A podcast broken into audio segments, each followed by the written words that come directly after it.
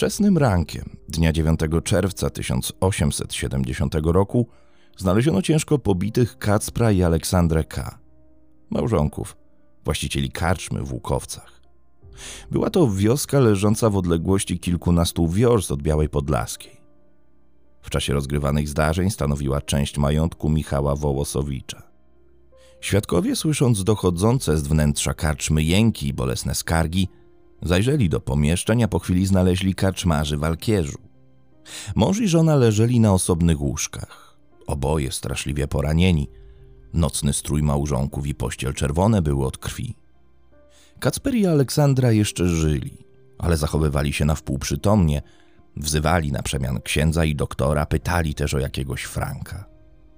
Taki widok zastali urzędnicy Sądu Policji Poprawczej w Białej Podlaskiej, powiadomieni o zdarzeniu przez wójta, do którego zwrócili się przerażeni świadkowie. Po opinii lekarza powiatu, doktora Daleckiego, który przybył wraz z urzędnikami policyjnymi na miejsce zbrodni, rannych czym prędzej odstawiono do szpitala świętego Karola Boromeusza w Białej Podlaskiej. Obawiano się, że mogą to być ostatnie chwile ich życia. Doktor Dalecki naliczył małżonków szereg obrażeń, które wystąpiły skutkiem działania mordercy. U Kacpra K., 70-letniego staruszka, były to ślady uderzeń zadanych w głowę przedmiotem ciężkim o chropowatej strukturze. Narzędziem zbrodni okazała się metalowa sztanga, rodzaj drągu, znaleziona w sąsiedniej izbie karczmy. U żony karczmarza Aleksandry, lat 40, znajdowały się podobne ślady uderzeń a także rany od noża. Podejrzewano, że powodem niemal śmiertelnego pobicia karczmarzy była chęć ograbienia ich z pieniędzy. Cóż bowiem innego mogło kierować okrutnym zbrodniarzem? Małżonkowie od lat prowadzili w Łukowcach karczmę przy gościńcu i biedni nie byli. Przeprowadzona rewizja nie potwierdziła jednak domysłów. Z karczmy nic nie zniknęło.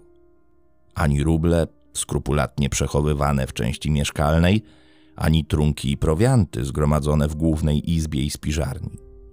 Kacper i Aleksandra, leżąc w szpitalu i cały czas pasując się między życiem a śmiercią, złożyli na ręce urzędników policyjnych objaśnienia, które okazały się niebywale zaskakujące. Dzień 8 czerwca 1870 roku od wczesnego ranka był skwarny. Duchota panowała niemożliwa i nawet wieczór nie przyniósł ulgi. Strudzeni upałem Kacper i Aleksandra siedzieli przy kominku w alkierzu. Ostatni goście opuścili karczmę jakiś czas temu i nikogo się już dziś nie spodziewali. Milczeli i uśmiechali się do siebie. Ich myśli krążyły wokół spraw codziennych i zatrzymywały przy dorosłym synu, żyjącym już własnym życiem z dala od domu rodzinnego. Jak sobie Leonek radzi w służbie? Siedzieli tak i siedzieli, aż Kacper spojrzał na zegar i z niemałym trudem podniósł żydla stare kości. Mateczko, już pora Panu Bogu pacierz i spać. Zwrócił się do żony. Uklęknęli oboje przed świętym obrazem i szeptali słowa wieczornej modlitwy. Gdy odmówili pacierze, usłyszeli naraz pukanie do drzwi. Najwidoczniej spóźniony wędrowiec jednak się zjawił. Gościnność karczmarzy była szeroko znana w okolicy. Nie zdarzyło się, żeby odmówili komuś noclegu czy strawy. To też Kacper bez wahania poszedł otworzyć, a gdy zobaczył przybysza, jego pomarszczone oblicze się rozjaśniło. Gościem okazał się znany im obojgu Franciszek Ochnik, młody chłopak liczący lat dziewiętnaście. Wiedzieli, że był parobkiem w pobliskim majątku w Grzybowie. Jednak od jakiegoś czasu już tam nie służył. Poprosili, żeby spoczął w izbie. Kacper zapytał go, co porabia. Ochnik wyjaśnił, że jest teraz u propinatora, właściciela gorzelni w Kotwicy. Dobry i wyrozumiały z niego pan, ale Franciszkowi tęskno było zobaczyć rodzinne strony, więc go uprosił o kilkudniowe zwolnienie ze służby. Chciał między innymi złożyć szacunek dawnemu panu w Grzybowie. Wyruszyłem w zielone świątki i tak wędruję od kilku dni, mówił chłopak. Zabawił krótko w Wisznicach. Był tam w kościele na mszy. Potem odwiedził Białą, a w dniu dzisiejszym po parogodzinnym marszu zawitał o zachodzie słońca do łukowców. Karczmarze słuchali go z życzliwym uśmiechem. Młody to świata ciekawy. Gdy ochnik poprosił o nocleg, odpowiedzieli, że udzielą mu. Musi jednak okazać dowód legitymacyjny, bo takie są przepisy. Jeszcze przez chwilę rozmawiali, ale gdy całej trójce zaczęły się kleić oczy, słowa przerzucano coraz leniwiej. Aż wreszcie wstali i udali się na spoczynek. Karczmarze poszli spać do Alkierza, natomiast Franciszkowi Ochnikowi wskazali ławę w izbie gościnnej. Żadne nie wychodziło już z domu i nie zauważyło, że niebo zasnuły ciemne chmury, które zwiastowały burzę. Małżonkowie K zasnęli szybko twardym snem. Około północy Aleksandrę zbudziło odgłosy piorunów, jednakże nie tylko burza sprawiła, że karczmarzowa się ocknęła. W alkierzu ktoś stał. Widziała, jak zamierzył się na nią drągiem. Zaskoczona nie zdążyła odchylić głowy i poczuła straszliwy, przeszywający ból po uderzeniu. Nie straciła jednak przytomności.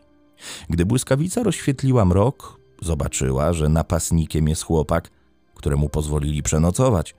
Zauważyła również, że leżący na osobnym łóżku mąż jest cały we krwi. Franek, na Boga, coś ty narobił? krzyknęła stłumionym głosem. Ale on jej nie odpowiedział, zadał następny cios. Widząc, że ochnik bierze szlagą kolejny zamach, podjęła próbę obrony. Namacała nóż przy łóżku, chwyciła za rękojeść. Widać, trafiła rozszalałego zabójcę w rękę, bo ten zawył z bólu. Nie zrezygnował jednak ze swojego zamiaru. Rzucił się na gospodynię i po krótkiej szamotaninie odebrał jej nóż. Widząc, że karczmasz próbuje wstać z łóżka, by przyjść żonie z pomocą, zadał jej pchnięcie nożem, po czym zbiegł.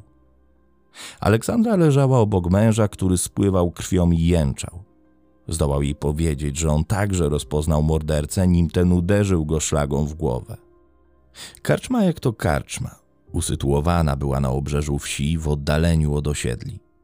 Ranni małżonkowie krzyczeli ile sił o pomoc, mając jednak świadomość, że nie będą słyszani. Dodatkowo wołanie zagłuszały uderzenia piorunów. W miarę upływu czasu myśli im się mieszały. Przytomność tracili i odzyskiwali. Nie mieli wielkiej nadziei na przeżycie. Dopiero rankiem Bóg wysłuchał ich modlitw i pomoc się pojawiła. Władze sądowe, wywiedziawszy się o napastniku i jego bliskich, z łatwością odszukały i zaaresztowały zabójcę w dniu 10 czerwca 1870 roku. Franciszek Ochnik przebywał we wsi Łomazy u męża stryjecznej siostry. Przyszedł do niego poprzedniego wieczoru i poprosił o kilkudniową gościnę, na co tamten się zgodził. Aczkolwiek był nieco zdziwiony nagłą wizytą kuzyna żony. Ochnik nie powiedział mu ani słowa o wydarzeniu w karczmie w Łukowcach, niemniej gospodarz domyślił się z nerwowego zachowania chłopaka, że dzieje się z nim coś złego. Przewieziono podejrzanego do szpitala w Białej Podlaskiej celem przeprowadzenia aktu konfrontacji. Kacper i Aleksandra K. rozpoznali zabójcę. Po nim widać było również, że ich poznaje. Patrzył na nich natarczywie, ale wzrok miał pusty, obojętny. Stał nieruchomy i zimny, nie wyrzekł ani słowa. Karczmarze zarówno w trakcie składania oskarżycielskich objaśnień, jak i podczas rozpoznania zabójcy bynajmniej nie pałali do niego gniewem ani zawziętością. Zachowywali się, jakby to nie on, a oni byli wszystkiemu winni. Miesiąc później, 8 lipca, małżonkowie K zmarli w szpitalu. W tej sytuacji sąd zwrócił się do lekarzy z zapytaniem, czy zgon karczmarzy pozostaje w związku z obrażeniami wyrządzonymi przy usiłowaniu zabójstwa, czy też jest on następstwem innych dolegliwości. Z opinii lekarskiej wynikało, że ciosy żelaznym drągiem i pchnięcia nożem zadane przez zabójcę w oczywisty sposób przyczyniły się do śmierci małżonków. Doktor Hebda, który wypowiedział się w imieniu lekarzy szpitala, stwierdził, że obrażenia głowy zawsze należą do ważnych i zagrażających życiu, a w przypadku ludzi starszych wiekiem każda choroba ma groźniejszy przebieg i pociąga za sobą bardziej dotkliwe następstwa. Podejrzanemu o zabójstwo karczmarzy dowiedziono winę w postępowaniu początkowym, przygotowawczym. Jednachże sprawa nadal przedstawiała się zagadkowo. Wciąż niewiadomy był motyw zbrodni. Jak rzekliśmy wcześniej, z karczmy nic nie zginęło. Ochnik niczego nie ukradł i nie działał z chęci ograbienia karczmarzy z pieniędzy lub innych dóbr. Nie kierował się również zemstą czy gniewem. Nigdy nie miał żadnych zatargów z małżonkami K. Owszem, znał ich z racji tego, że kilkakrotnie był w karczmie, ale gospodarze zawsze traktowali go z sympatią i życzliwością, nieomal jak własnego syna. Jaskrawym przykładem tej serdeczności był wieczór 8 czerwca, kiedy zaproponowali mu gościnę i nocleg. a także ostatnie słowa Kacpra wyrażające żal, że chłopak będzie miał zmarnowane życie. Ustaliwszy to, sąd zwrócił się do Ochnika z żądaniem podania przyczyn morderstwa. Jego wyjaśnienia w sporej części pokrywały się z zeznaniami karczmarzy. Nie okłamał ich, mówiąc, że od paru dni był w drodze. Nie czuł żadnej złości ani nawet zażenowania, gdy staruszkowie wypytywali go o powód wybrania się w tę wędrówkę. Nie miał nic do ukrycia i zgodnie z prawdą odpowiedział, że postanowił odwiedzić strony, które były miłe jego sercu. Może ubodło go żądanie okazania dowodu tożsamości?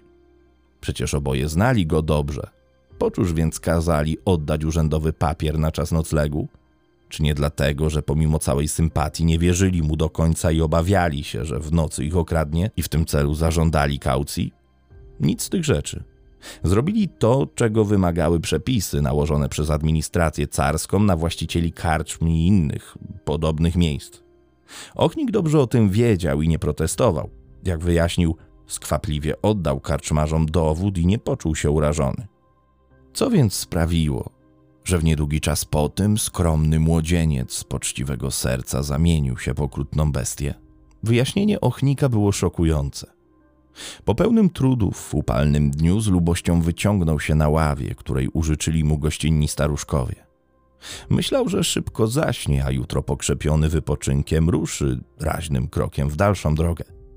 I rzeczywiście zapadł sen, ale nie spał długo. Naraz zbudził się, szalała burza, nie mógł już ponownie usnąć. Grzmoty i eksplodujące błyskawice czyniły go niespokojnym. Bał się czegoś, co znajdowało się blisko niego, choć nie było widoczne. I ta groźna, niewidzialna istota nakazała mu wstać i udać się do alkierza. Poczuł w sobie nieprzepartą żądzę mordu. Drzwi do sypialni były uchylone. Stanął przy łóżku karczmarzy, trzymając nad ich głowami szlagę zabraną z izby gościnnej. Jeszcze się wahał, w ciemnościach nie widział dobrze przyszłych ofiar. Czekał na pomoc natury. Niedługo to trwało. Po chwili silna błyskawica rozświetliła mrok. Wtedy zaczął uderzać. Najpierw karczmarza, potem jego żonę. Kaczmarzowa zbudziła się, próbowała go powstrzymać, biorąc do obrony nóż. Zraniła go, ale to tylko spotęgowało determinację zabójcy. Odebrał jej kozik i chciał powtórzyć uderzenie drągiem, ale karczmarz wstał, żeby bronić żony. Ochnik uznał, że szybciej poradzi sobie nożem i zadał kobiecie pchnięcie. Zaraz potem zbiegł, wystraszony tym, co zrobił, bacząc, czy poza karczmą nie ma świadków zbrodni. Pierwsza myśl? Udać się do domu rodzinnego. Powstrzymał się jednak. Kaczmarze przeżyli, a przynajmniej starzec jeszcze dychał. Wyda bez wahania mordercę. Najszybciej znajdą go w domu. Oprzedł więc tylko chałupę, tęsknie popatrując w ciemne okna i zaraz potem pomknął w dłuższą podróż do siostry stryjecznej w Łomazach. 4 sierpnia 1870 roku, zgodnie z wnioskiem podprokuratora, zapadła decyzja Sądu Policji Poprawczej o przekazaniu akt z postępowania początkowego sądowi kryminalnemu w Lublinie, gdzie przeprowadzono rozprawę zabójcy. Wyrokiem z dnia 18 września 1870 roku Franciszek Ochnik został skazany na pozbawienie wszelkich praw i zesłanie do robót ciężkich w kopalniach na 10 lat, a po zakończeniu kary na stałe osiedlenie na Syberii. Posądny zwrócił się o łaskę do Komisji Rządowej Sprawiedliwości, nie skorzystano jednak z przysługującego prawa, uznając, że zabójca w tym przypadku nie zasługuje na ułaskawienie. Wyrok uprawomocnił się w dniu ogłoszenia. Moi drodzy, chociaż zabójca nie został skazany na karę śmierci, to ten wyrok trudno uznać za łagodny, ponieważ w XIX-wiecznym królestwie kongresowym podlegającym administracji carskiej takich pospolitych zbrodniarzy no, nie za często karano szubienicą. Być może z ekonomicznego punktu widzenia korzystniej było zaganiać tych skazańców do niewolniczej pracy w syberyjskich kopalniach. Swoją drogą ciekawe, jakby to zadziałało w tych czasach. Wielu z nich po paru latach no, kończyło tam żywot. Ciężkie warunki bytowe, choroby zakaźne, surowy, mroźny klimat, nader często no, wyręczały kata. Czy zabójca działał w stanie krótkotrwałej niepoczytalności? No, tutaj kryminologia zna takie przypadki jakiś nagły impuls nakazujący sprawcy zamordować na przykład wyimaginowanych wrogów, a zaraz potem powrócić do normalności i, i, i często nie pamiętać, co się wcześniej robiło, No, zły stan psychiczny, jak sami doskonale wiecie, mówiąc w skrócie, osoby, która popełnia przestępstwo, pozwala niekiedy uniknąć odpowiedzialności karnej. Franciszka Ochnika nie badali psychiatrzy. Trudno więc stwierdzić, czy był poczytalny, mordując kaczmarzy. W XIX wieku oczywiście czasami badano psychicznie zabójców, o ile wywodzili się oni z wyższych sfer. No jednak na tych takich zwykłych, że tak powiem, ludzi niższego rzędu nikt nie tracił czasu w kwestii badań. E, no i nawet jeśli w rezultacie byli chorzy na umyśle, no to zamiast do zakładu dla obłąkanych trafiali na szubienicę albo do więzień. Nie od rzeczy będzie też wspomnieć o warunkach pogodowych, i tu absolutnie zgadzam się z tezą Mariusza Gadomskiego, który opracował nasz dzisiejszy mm, odcinek i tekst do niego. Chodzi mi o warunki, które panowały w noc zbrodni. Ten silny burzowy wiatr, uderzenia piorunów i błyskawice no, u wielu z nas powoduje y, często nerwowość, lęk, a nawet napady paniki. Zresztą widać to chociażby po naszych czworonożnych przyjacielach. No i w skrajnych przypadkach może to, choć naturalnie nie musi, prowadzić do nieprzewidywalnych zachowań. Moi drodzy, to tyle na dziś. Mam nadzieję, że dzisiejszy odcinek Was y, zaciekawił. Pozwoliłem sobie na taką dygresję y, na sam koniec. Właściwie są to słowa w większości Mariusza. E, także jeśli mm, spodobał Wam się ten odcinek, to oczywiście zostawcie komentarz, łapkę, no i subskrybujcie kanał. Bądźcie bezpieczni i do usłyszenia w kolejnym odcinku na kanale Strefa Mroku.